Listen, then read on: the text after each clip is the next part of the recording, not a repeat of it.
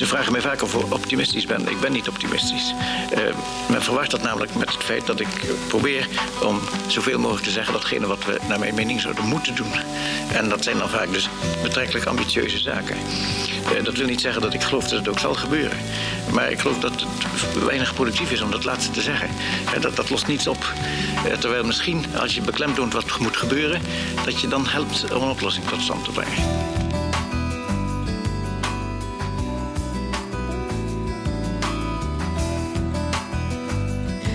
Welkom bij de podcast Timberg en de Economie van Morgen. Mijn naam is Esther van Rijswijk en ik host deze podcast. En naast mij zit Jasper Lucchese, hoofdredacteur bij ESB. In de komende vijf afleveringen neem ik het stokje van Eline Ronner over... die helaas vanwege ziekte verstek moet laten gaan. In deze podcastserie praten we over de betekenis van Jan Timbergen... voor de economie van vandaag en morgen. Deze aflevering gaat over internationale handel en het zwaartekrachtmodel van Jan Timbergen. En vandaag hebben we Marcel Timmer en Peter van Bergijk te gast. Welkom beiden. Ik begin even bij Jasper, uh, want wat is dat nou precies? Ja, het is uh, bedacht door Jan Timbergen in de jaren 60. En het is een manier om uh, handelstromen, handel tussen landen wereldwijd, te verklaren. En het, doet het, het verklaart het eigenlijk aan de hand van hoe een natuurkundige zwaartekracht zou verklaren. Vandaar het zwaartekrachtmodel. Dat hangt natuurlijk samen met de natuurkundige achtergrond van, uh, van Jan Timbergen. Dat heeft hij gestudeerd. Het idee is, uh, waarin de natuurkunde de zwaartekracht bepaald wordt door de massa's van de twee objecten die elkaar aantrekken en de afstand, wordt in de handelsliteratuur de handelstromen verklaard door het BBP. Dus hoe groot zo'n land economisch is van allebei de landen. Gedeeld door de afstand tussen die landen. Dus als landen verder weg zijn van elkaar, um, zijn de handelstromen kleiner. Of als landen verder afstaan van elkaar in, um, um, in politieke zin en in uh, culturele zin, is de, uh, is de handelsstroom ook kleiner. Oké, klinkt heel logisch, toch? Landen die groot zijn en economie ver ontwikkeld, die handelen meer. En dan vooral met landen die ofwel dichtbij zijn of een beetje op ze lijken. Ja. ja. Oké. Naast me uh, zit Marcel Timmer. Uh, je bent directielid bij het CPB, bij het Centraal Planbureau. Uh, en daarnaast hoogleraar Economische Groei en Ontwikkeling aan de Rijksuniversiteit Groningen. Jouw onderzoek is heel sterk op data gebaseerd. Um, dus je kijkt naar, ja, klopt het allemaal wat we denken? Verklaart het model de economische werkelijkheid? Uh, ja en nee. Uh, het verklaart de economische werkelijkheid zoals uh, Jasper net heeft uitgelegd. heel intuïtief natuurlijk. kijk naar Nederland. Met welke landen handelt Nederland het meest? Nou, nummer één handelspartner is Duitsland. Waarom? Duitsland is heel erg groot. dus daar handel je ook relatief veel mee. Maar Duitsland is ook heel dichtbij. En dus in die zin zou je kunnen zeggen... de, de Gravity-model, uh, het zwaartekrachtmodel van Jan Timbergen, biedt een goede verklaring waarom wij veel met, uh, met Duitsland handelen. Maar de economische uh, werkelijkheid is altijd complexer dan dat je in een simpele natuurkundige wet kunt, kunt vatten. En dat is ook hier het geval. afstand heeft eigenlijk meerdere dimensies. En Jasper refereerde daar al aan. Dat is niet alleen de fysieke afstand, dus hoe, hoe, de transportkosten die je moet betalen om een goed van het ene land in het andere land te krijgen.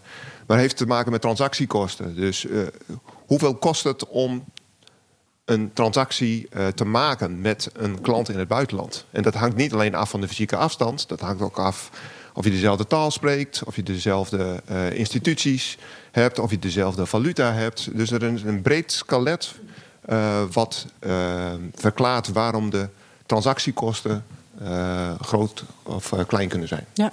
Helder. Uh, naast me zit ook, ik zei het al, Peter van Bergijk. je bent professor International Economics en Macroeconomics aan de Institute for Social Studies, ISS, Erasmus Universiteit. Jouw onderzoek bevindt zich echt op dat snijvlak van internationale politiek en economie. In je proefschrift gaat ook onder meer over die zwaartekracht, over dat zwaartekrachtmodel. Hoe even nog los van of dat model nou die werkelijkheid verklaart. Um, maar ho hoe belangrijk is handel eigenlijk voor ons? Waarom moeten we het hier over hebben?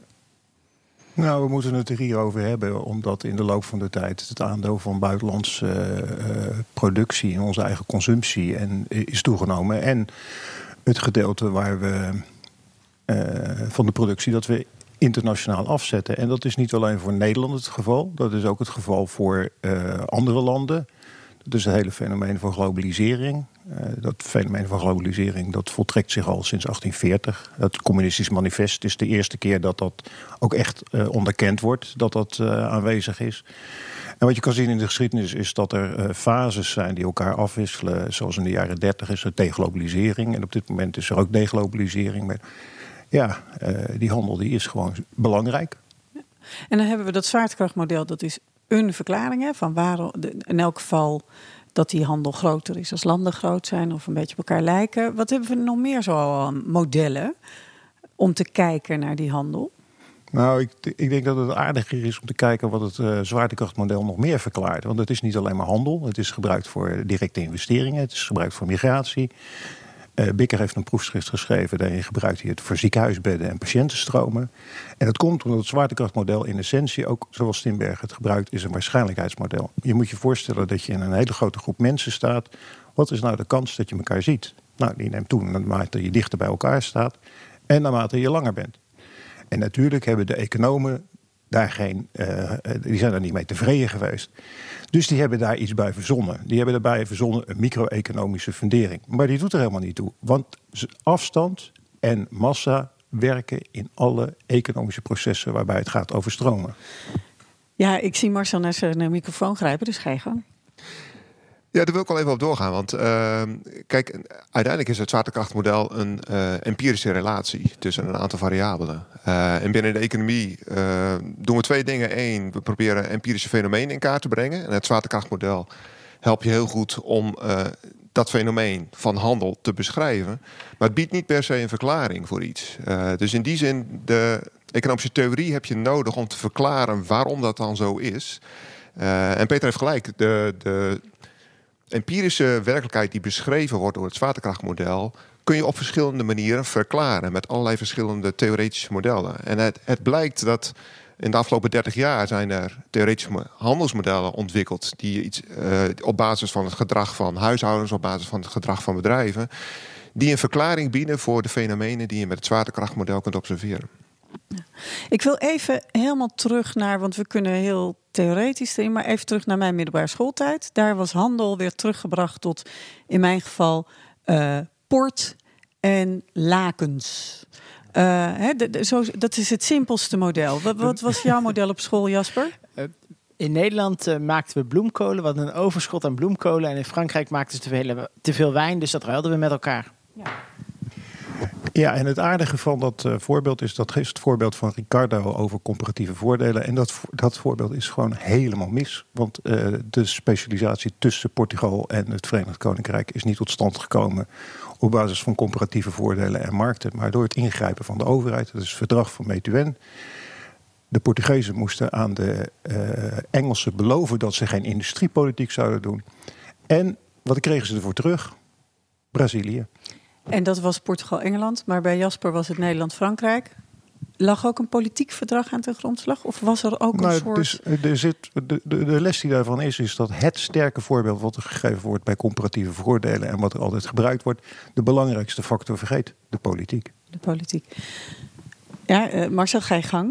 Ja, ik, uh, in die zin is het wel enigszins uh, economische geschiedenis ik zou zeggen, als je vandaag de dag handel moet beschrijven, dan kun je handel niet beschrijven in termen van de goederen die de grens overgaan.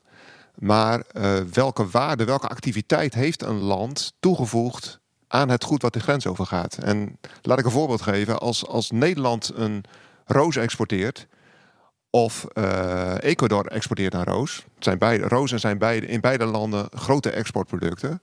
Dan exporteert Nederland eigenlijk heel iets anders dan Ecuador. Wat Ecuador exporteert is het cultiveren van die roos. Daar wordt de roos gegroeid uh, en die wordt vervolgens geëxporteerd.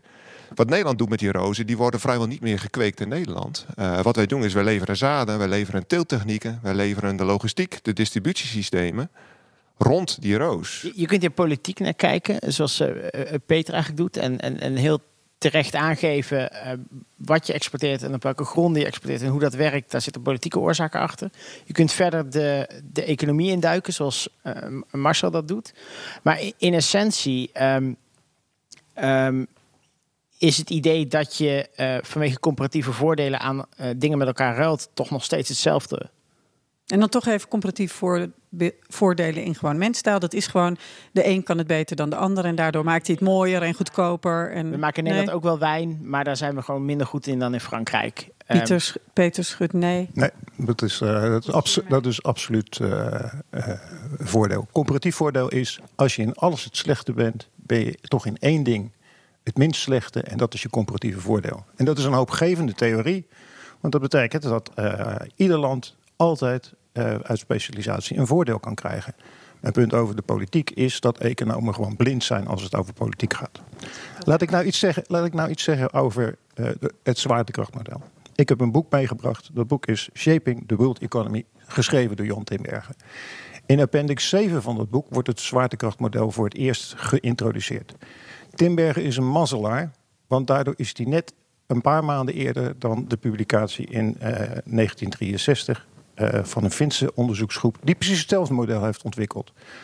Pas in 1970 verzint iemand de naam zwaartekrachtmodel daarbij. Dus dat model wordt overal gebruikt. En Timberg heeft het nodig. Waarom heeft hij het nodig? Omdat hij zich bezighoudt met politiek. Hij wil een nieuwe ordening van de wereldeconomie. En wat is er belangrijk in zijn visie op de nieuwe ordening van de wereldeconomie? Drie dingen.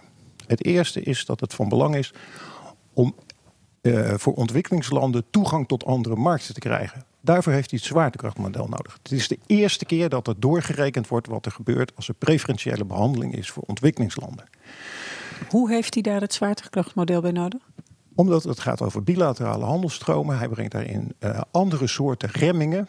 Dus het is afstand is er uh, mee onderzocht. Maar het is ook gekeken naar andere remmende factoren. En een van de remmende factoren die daar een rol bij speelt zijn uh, tarieven. Grensheffingen, importtarieven. Net zoals we nu al die discussies daarover zien. Dus daarom is het zwaartekrachtmodel nu ook actueel. Maar ik wil even terug naar dit boek. Dus dat is het eerste. Het tweede ding wat Tim Bergen hier uh, naar voren brengt. En dat is niet waarvoor hij het zwaartekrachtmodel nodig heeft. Maar dat is wel het verhaal wat hij schrijft. Dat is, gaat over wat er nou eigenlijk moet gebeuren met ontwikkelingshulp. Want het gaat over de opkomst van wat wij de derde wereld noemen. En die opkomst van de derde wereld, daarvan is het voor belang dat er handel is en ondersteuning. En Timbergen is wat dat betreft uh, de, de, de, beleidsmakers van de jaren zeventig ver vooruit. Hè, want uh, tegenwoordig zien we die twee dingen in elkaars verlengde. Maar Timbergen die komt er al mee. En het derde onderdeel in het boek wat super belangrijk is... dat is over internationale veiligheid. Want hij leeft in een wereld waar er is een dreigement van de Koude Oorlog... waar hij is ontzettend, ontzettend uh, uh, bang daarvoor. En dat is de reden dat hij de opkomst ook van de derde wereld wil zien. Dus het boek van Timbergen is politiek en alleen economisch gefundeerd. Hij wil rekenen en daarvoor heeft hij het model nodig. Maar bij Timbergen kan je nooit zeggen dat hij een model ontwikkelt zoals in de economie vaak gebeurt. Het gaat altijd om een doel. En het doel hier is hoe kunnen we de ontwikkelingslanden beter tot hun recht laten komen. Helder. Um, Even voor de niet-economen die ook zitten te luisteren en die bij handel dan toch ook vaak denken aan die bloemkolen en die wijn. En dan komt toch bij een enkeling ook nog wel Paul Krugman op, hè, Nobelprijswinnaar, die ook uh, voor, voor handelstheorie die Nobelprijs heeft gekregen. Even heel kort, ik kijk jullie allebei aan. Ik weet niet wie uh, hier als eerste wil antwoorden, maar wat, was, wat heeft Krugman toegevoegd aan de handelstheorie? We kunnen er veel over zeggen, maar uh, Krugman met name heeft zich gericht op het verklaren waarom landen hetzelfde product verhandelen. Dus ehm, hij heeft zijn theorie ontwikkeld in de, in de jaren 80. En wat je in de jaren 80 zag, dat rijke landen producten handelden die meer of meer vergelijkbaar waren. Duitsland exporteerde auto's, Amerika exporteerde auto's, Japan exporteerde auto's. Alleen ze uh, exporteerden allemaal een verschillende variant van die auto. Uh, en zijn modellen hebben gepoogd schaalopbrengsten spelen daar een belangrijke rol in. Dus het, idee dat, dat je grote vaste kosten hebt om een bepaald product te, te kunnen maken. Um, dat betekent dat je je gaat specialiseren in een bepaalde variant van dat product. En als alle landen dat doen, dan kunnen ze gaan handelen in die varianten. Nou, en wat we gezien hebben, denk ik, in uh, eind jaren 90, sinds de eind jaren 90, is dat ook in binnenrijke landen er steeds meer aandacht kwam voor het feit dat globalisering winnaars en verliezers heeft. Uh, en in theorie kunnen de winnaars de verliezers compenseren. Zodanig dat iedereen er eigenlijk op vooruit gaat. Maar als die compensatiemechanismes niet plaatsvinden, uh, dan heb je een, een groep verliezers uh, die onrustig wordt. En dat is iets wat we met name gezien hebben in, uh, in Amerika nu. Ja, Peter, jij schreef daar ook een boek over. Hè? Want, en daarin laat je het ook wel, geef je ook historisch perspectief. Deglobalization 2.0, Trade and Openness During the Great Depression and the Great Recession. Wat vertel je daarin? Nou, ik denk dat het boek uh, eigenlijk twee dingen doet. Er zijn nog wel wat meer fases in de geschiedenis te vinden. Maar uh, ja, van die periodes waarin langdurig de, de openheid van de wereldeconomie daalt, die komen niet zo vreselijk veel voor. Wat is nou de kernpunt als we kijken naar wat er vandaag de dag aan de hand is? Dat is dat als je in de krant leest, dan denk je dat we in een gekke tijd leven en dat het gaat over Trump en Brexit en dat dat deglobalisering is. Maar als we kijken naar de cijfers, dan zien we dat dat al veel eerder ingezet is. 2008, 2009. En wat mij betreft zijn Trump en Brexit uh, dus gewoon uh, ja, symptomen wel. Uh, nare symptomen, maar het is van een onderliggend proces van deglobalisering wat al veel eerder is ingezet. En wat is, ligt daar dan aan te grondslag? Het is het verhaal van, van niet van de verliezers, het is het verhaal van dat, je, dat het steeds duurder wordt om verliezers te compenseren. Daardoor wordt het moeilijker om verder te globaliseren. Dus dat zet de omslag van de golfbeweging in gang.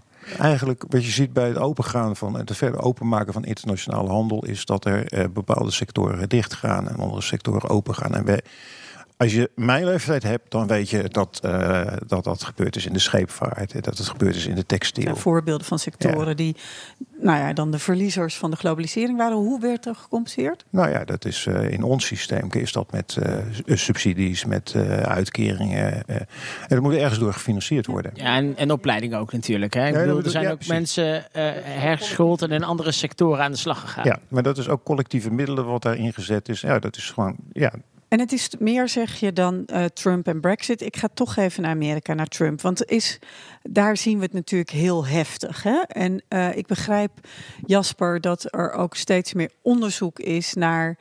Als je nou kijkt, Amerika heeft als geheel zeker geprofiteerd van uh, internationale ja. handel. Maar daar zijn de verliezers inmiddels echt wel aardig in kaart gebracht. Ja, dus uh, er is de afgelopen jaren uh, zijn er een aantal nette studies geweest die laten gewoon zien dat in uh, industriële regio's die het heftigst, het heftigst, heftigst, jeetje wat een woord, met China concurreerden, um, zijn, uh, hebben de hardste klappen gekregen. En daar gaat het ook het slechtst met de mensen die daar wonen en in die sectoren werkzaam waren. Het, het, onderzoek waar uh, Jasper refereert is herhaald in een aantal andere landen in de wereld.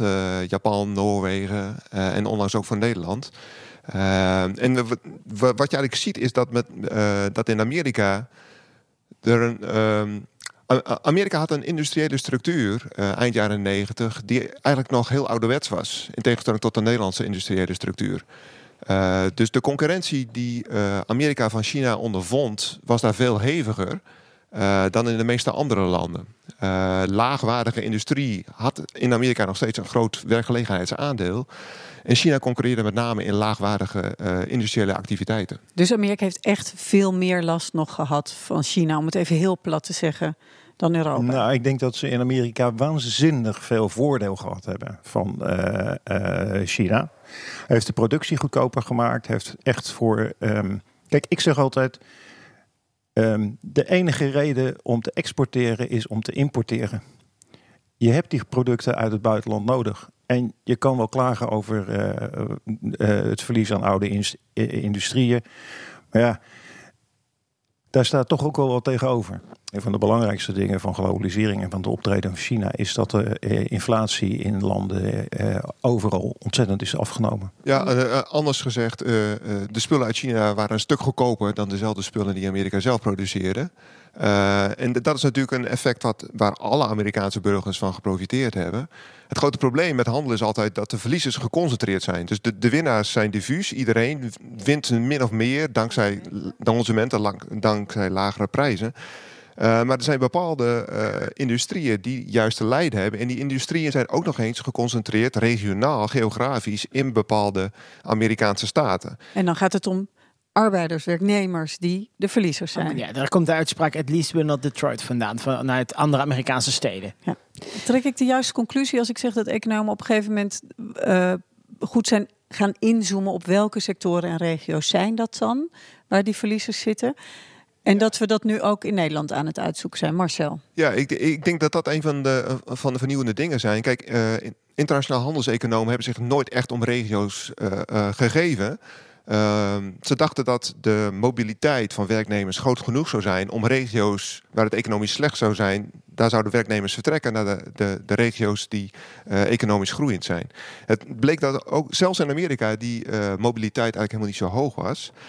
Uh, nou, als we nu kijken naar Nederland, ehm, hebben we eenzelfde soort studie gedaan die binnenkort gepubliceerd gaat worden. het Centraal Planbureau samen met Sociaal Cultureel Planbureau heeft een grote studie gedaan naar de effecten van globalisering op, uh, op de Nederlandse economie en de Nederlandse samenleving. En het interessante is dat de, de, bevindingen voor Amerika eigenlijk voor Nederland niet, uh, geen opgeld doen. Uh, de Nederlandse industriële structuur was al dusdanig veranderd in de afgelopen decennia dat de concurrentie, de importconcurrentie van China relatief gering is. Simpelweg de producten die China maakt, waren niet de producten die Nederland maakte. dus dan heb je er ook geen last van dan heb je er ook geen last van. Uh, en kun je er zelfs van profiteren. Omdat je uh, China dingen kan laten maken die wij in Nederland bedacht hebben. Die, we, die wij in Nederland ontwikkeld hebben. Dus de exportkansen voor Nederland richting China zijn relatief groot. De importbedreigingen zijn relatief gering. Dat vinden we dan ook in dat onderzoek. En het interessante is dat werknemers dat ook in Nederland ook relatief goed begrijpen. de SCP heeft groepen werknemers gevraagd hun gevoelens over globalisering. Uh, en 80% van de ondervraagden geeft aan eigenlijk dat ze de globalisering als een kans zien en niet zozeer als een bedreiging. Ja. Mag ik nog even terug naar het boek van Peter? Uh, want um, je zegt eigenlijk dat uh, Trump en Brexit symptomen zijn van een al langer aanwezige trend van deglobalisering. Ja. Um, kun je A iets vertellen over die langer aanwezige trend? En, en B, uh, even vertellen hoe dit nou symptomen daarvan zijn? Nou, ik, waar, ik, ik nog niet goed over gesproken heb, is uh, eigenlijk om de politiek er weer even bij te halen, want daar zit ik hier voor.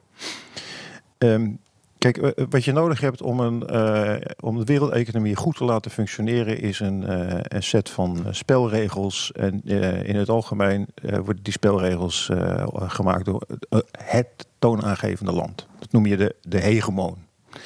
Nederland is dat in de 17e eeuw geweest. Uh, toen, hadden we, uh, toen kon een klein landje nog de belangrijkste speler zijn. De, de, de regels van de handel bepalen, de regels, de toezicht, tenminste het overzicht, de macht op zee. Daarna is, is de hegemon, dat is het, ehm, het Engelse Rijk, dus de British Empire.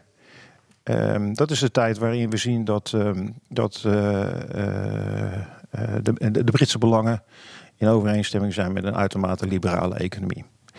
Wanneer gaat dat veranderen? Wanneer gaat dat beeld, die steun, die positie van het Verenigd Koninkrijk uh, langzaam maar zeker wegslippen? En wanneer worden ook de spelregels die door iedereen geaccepteerd worden, wanneer raken we die kwijt in de jaren, in de jaren 30 als de Verenigde Staten aan het opklimmen is en het Verenigd, Verenigd Koninkrijk dus positie aan het verliezen is? En dat zien we nu ook. Dat zien we nu ook bij uh, de opkomst van China en de positie van de Verenigde Staten. De Verenigde Staten staat niet meer voor het open multilaterale, dat, dat wil zeggen samen met andere landen, systeem. Uh, nou, we hebben Trump uh, gezien dat hij zich terugtrekt uit het akkoord van Parijs. En we hebben gezien dat hij zich terugtrekt, dat hij op allerlei terreinen een nieuw soort handelspolitiek aan het, aan het voeren is een handelsoorlog. Um, maar als Trump er niet was geweest, was er wel iemand anders geweest. Dus, dus jij zegt eigenlijk, um, doordat Amerika er geen belang meer bij heeft om de wereldwijde spelregels te bepalen, um, komt er vroeg of laat gewoon een leider die. Uh, Amerikanen realiseren zich dat en stemmen ze vroeg of laat voor een leider die zo'n politiek voorstaat. En dat is een van de redenen dat Trump er zit. Nou ja, wat ik eigenlijk zeg is, uh, er is het economische verhaal is er en het politieke verhaal is er. Het economische verhaal herken ik heel, heel goed wat Marcel vertelt. En eh, eh, eh, dat is een van de drijf, drijfveren. Het andere is wat er gebeurt eh, met de internationale spelregels. En waarom noem ik Trump een. eh, kijk, deglobalisering is iets bijzonders. Je ziet het niet zo vaak. Het is, eh, eh, ik, was een keer bij een dokter en die zei toen. eh, goh. Ik had een raar wondje op mijn arm. Goh, schurft, dat is leuk. Nou, dat heb ik bij Trump. Marcel? Ja, de deglobalisering, eh, we focussen heel erg op die, op die handelsoorlog die, eh, die steeds dreigt eh, en gedeeltelijk al plaatsvindt. Maar globalisering is natuurlijk niet alleen gewoon handel in goederen. Eh, globalisering is ook eh, financiële stromen, is ook stromen van arbeiders. Eh, en in die zin weet ik niet of wij deglobalisering in termen van migratiestromen, eh, of we daar al van kunnen spreken. Ehm integendeel. Dus ehm, en ik ben het eens met Peter dat we eh, ook in, in termen van handel in goederen en diensten, dat we naar een meer multipolaire ehm, eh, wereld toe gaan, waar, waar zowel China als Amerika met name handelsverdragen zullen sluiten bilateraal en niet langer multilateraal. Dus niet met meerdere landen tegelijk, zoals eh, in het verleden, maar bilateraal, individueel met landen handelsverdragen proberen te sluiten. En dat verklaar je dan politiek? Of zeg je dat is ook vanuit de economische theorie wel te verklaren? Vanuit, voor mij wordt het zwaartekrachtmodel of vanuit het model waarbij je toch zoekt naar zoveel mogelijk groei voor zoveel mogelijk. Nee, ik, ik denk dat, eh, daar ben ik het eens met Peter, dat de economische theorie vrij weinig eh, aandacht heeft voor de politieke aspecten van, eh, van dit geheel. Ja. Dan even, dus die groei hebben we jarenlang gezien. Dat neemt dan ook af hè, op een gegeven moment. Ehm, toch hebben we, gaat dit nu groei kosten uiteindelijk? Het feit dat die politieke realiteit zich opdringt, eh, dat het allemaal bilateraal wordt, betekent dat dat we daarmee tot minder groei zullen komen. Ik vind eigenlijk dat die, dat die effecten van Trump en, eh, en eh, Brexit dat die zwaar overdreven worden.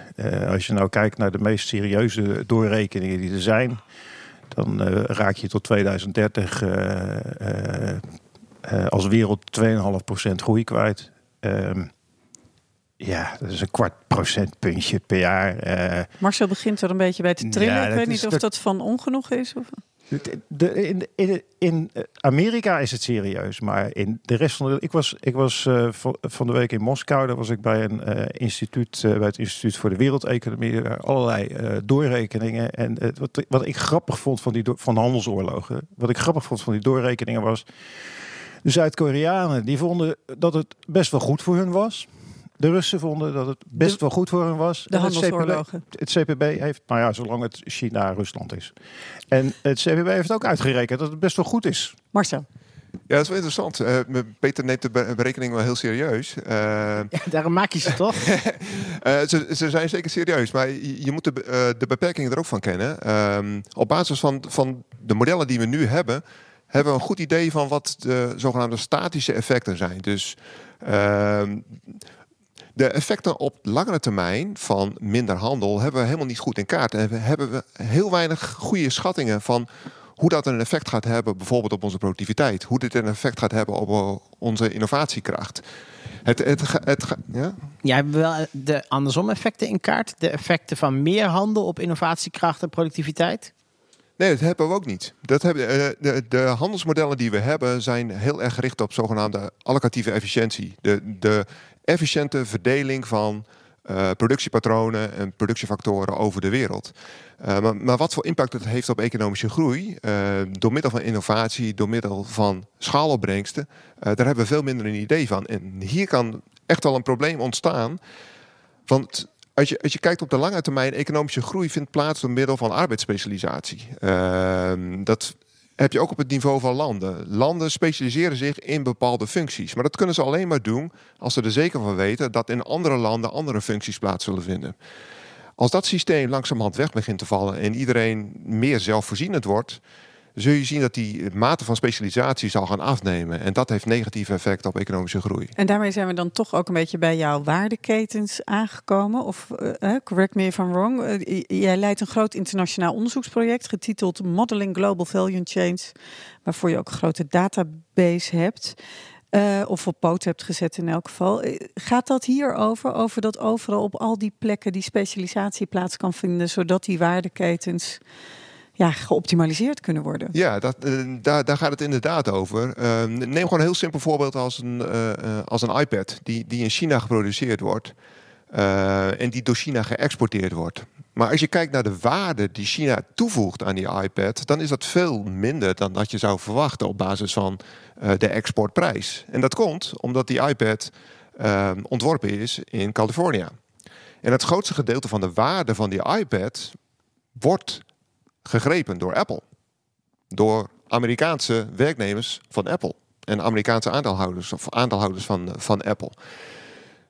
Dus, uh, maar dat kan alleen maar, China kan die waarde alleen maar toevoegen aan iets waar een ander land mee begonnen is. Dus uh, landen hebben elkaar nodig om waarde toe te voegen aan een product. En dan, dat gaat om het ontwerpen van een product, maar dat gaat ook voor al die componenten die je nodig hebt in die iPad en die wereldwijd in verschillende landen geproduceerd worden. Al die landen dragen hun waardesteentje bij.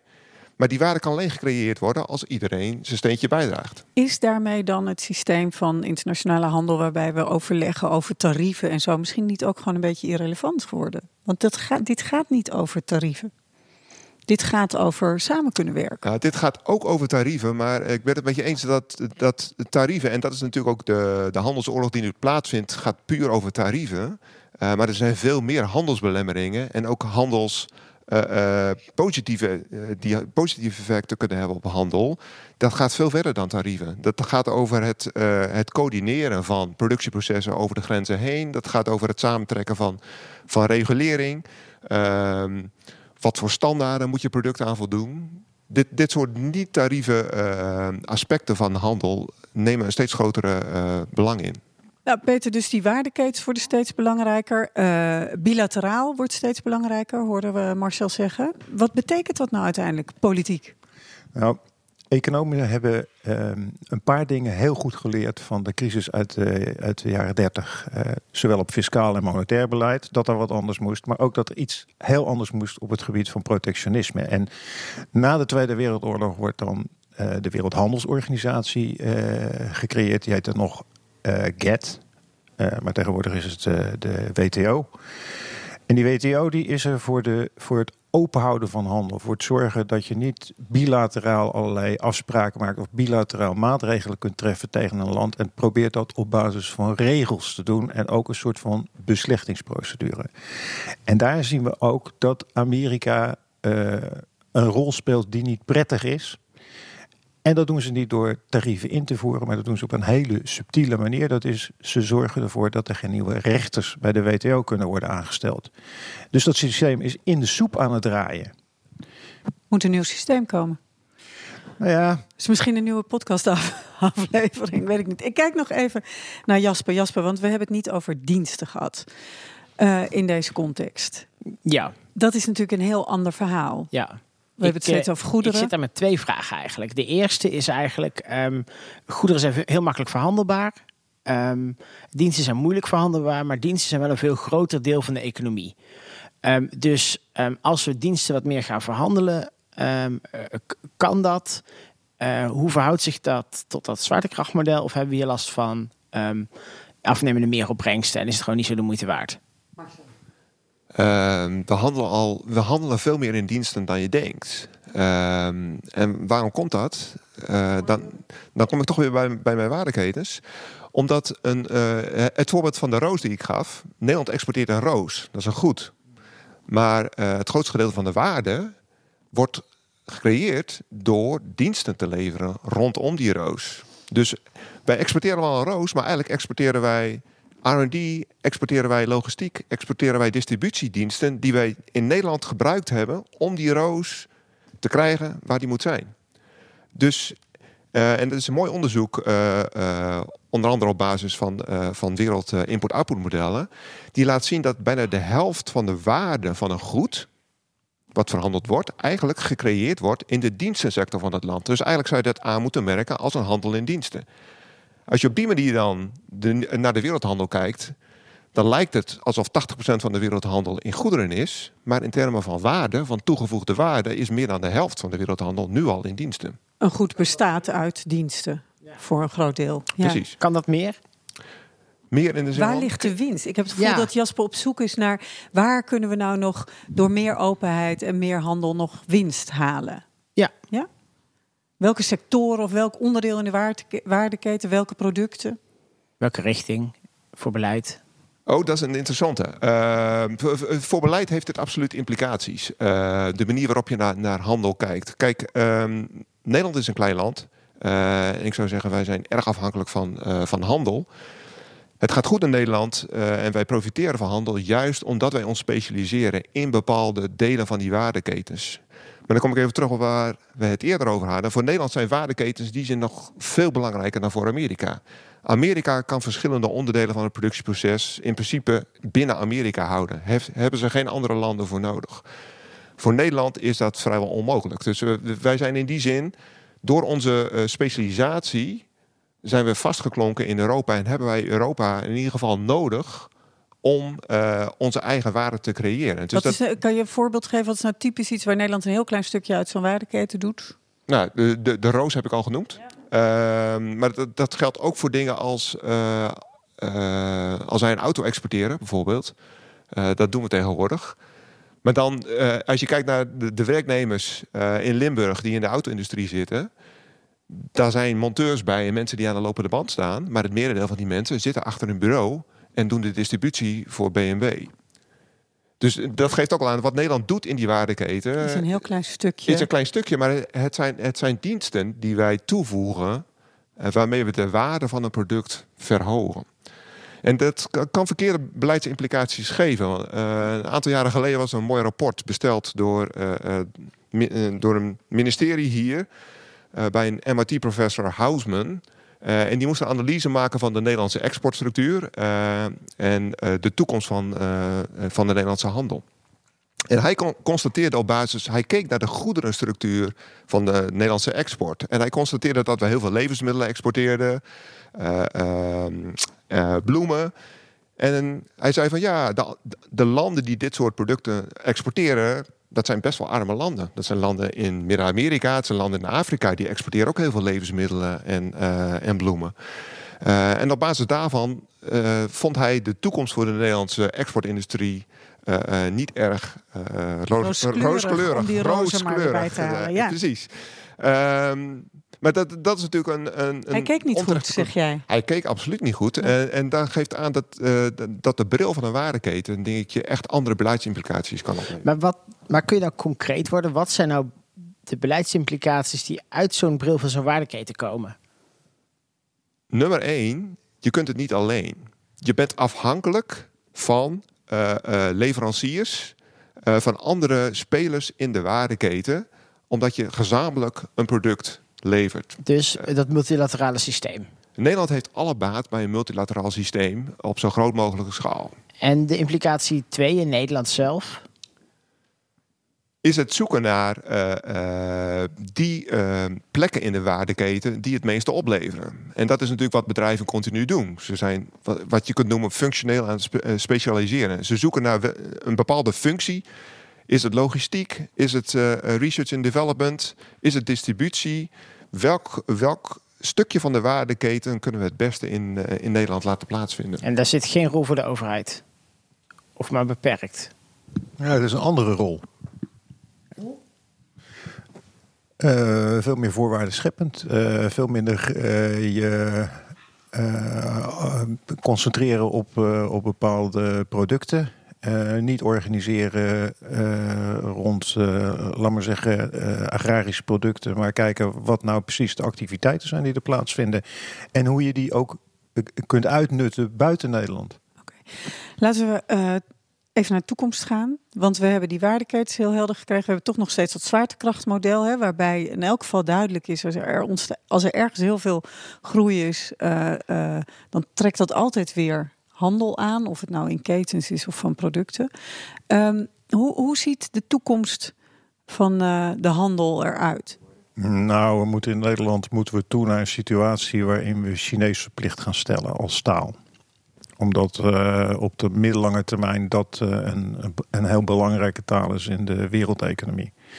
Als je me dat 30 jaar geleden gevraagd had, had ik gezegd: je moet er Russisch bij doen. Maar dat hoeft niet meer volgens mij. Nee. En dus de kans dat we de verkeerde keus maken bestaat ook nu. Je Eh, weet niet waar het naartoe gaat. je weet niet waar het heen gaat. Maar ja, dan heb je wel helemaal Chinees geleerd. Nou, met China weten we wel waar het naartoe gaat. Eh, China wordt de meest grote economie in de, de wereldeconomie. Wordt dominant in eh, de internationale handel. En taal is een grotere barrière dan wat voor tarief dan ook. En taal, om, je moet eh, een cultuur kunnen begrijpen en een taal kunnen begrijpen. Een, een korte checkvraag. Wordt China zo belangrijk, eh, net zo belangrijk als Amerika was in de jaren 50, 60 en 70 in de wereldhandel? Ja, In de toekomst kijken we altijd heel moeilijk. Dat doen ze Eh, bij het CPB niet meer. Ehm, nou ja, dit, het, het is een mooi eh, eh, spreekwoord van... eh, het, het- als je weet waar dat naartoe gaat, dan word je rijk. Eh, nou, het feit dat ik niet rijk ben, betekent Peter dat... wordt eh, heel rijk. eh, Peter wordt heel rijk, ja. Ehm, waar we het niet over gehad hebben, en wat denk ik wel van belangrijk is... handel is tussen landen, zo denken we erover... maar heel veel handel vindt plaats binnen multinationale bedrijven. En daar gaan dingen de grens over, zonder dat we het weten. En zonder dat ervoor betaald wordt. Ehm, pak een grote multinationale onderneming die een nieuw softwareprogramma ontwikkelt. Die rolt dat uit over alle dochterbedrijven over de hele wereld. Daar vindt handel in diensten plaats, maar daar wordt niet voor betaald. Dat zien we in geen enkele statistiek zien we dat. Maar dat zijn uitermate belangrijke processen, ook voor die landen zelf. Op die manier kunnen ze eigenlijk technologische vooruitgang boeken. Ehm, maar het onttrekt zich volledig aan onze waarneming. Dus, eh, dus wat we moeten doen is ook binnen internationale handel meer kijken naar binnen bedrijven, multinationale bedrijven. Wat voor goederen en wat voor diensten worden daar over de wereld verspreid? Eh, En en waarom willen we dat zien? Dat willen we zien omdat ik denk eh, dat dat hele belangrijke spelers zijn in, eh, in maar de ik denk nu wereldeconomie. meteen aan, wil, wil, wil je er belasting op gaan heffen? Of waarom? Eh, dat is een meer lange termijn perspectief op van wat, wat zorgt ervoor dat een economie groeit. Als wetenschapper en onderzoeker wil je het beter begrijpen? Nou, ook als beleidsmaker wil je weten, op basis waarvan kun je economische groei bevorderen. En technologische verandering is daar een belangrijk onderdeel van. Het gedrag van multinationale eh, ondernemingen en de verspreiding van, eh, eh, van kennis en technologie eh, kan daar een belangrijke bijdrage aan leveren. Handel gaat voor een groot deel via die route. Jasper, ehm, kan jij ons terugbrengen naar Timbergen? Ja, ehm, ik heb eigenlijk niks gehoord wat ehm een vraagteken stelt bij dat zwaartekrachtmodel. Ik heb alleen maar uitbreidingen gehoord. In die zin ehm, ehm, werkt deze literatuur en werken deze mensen denk ik in de geest van Timbergen. Ik vind dat een prachtige afsluiting en ik zie geen groot protest. Dus veel dank daarvoor. Ehm, dat was het. Alweer de zesde aflevering in de reeks Timbergen en de Economie van Morgen. Heel veel dank Marcel Timmer en Peter van Bergijk voor dit eh, interessante gesprek. En we hebben nog een aantal afleveringen in de planning staan. Die gaan over wetenschap, beleid, ontwikkelingssamenwerking. Kortom, de erfenis van Timbergen. Hoe actueel is hij vandaag? Stay tuned.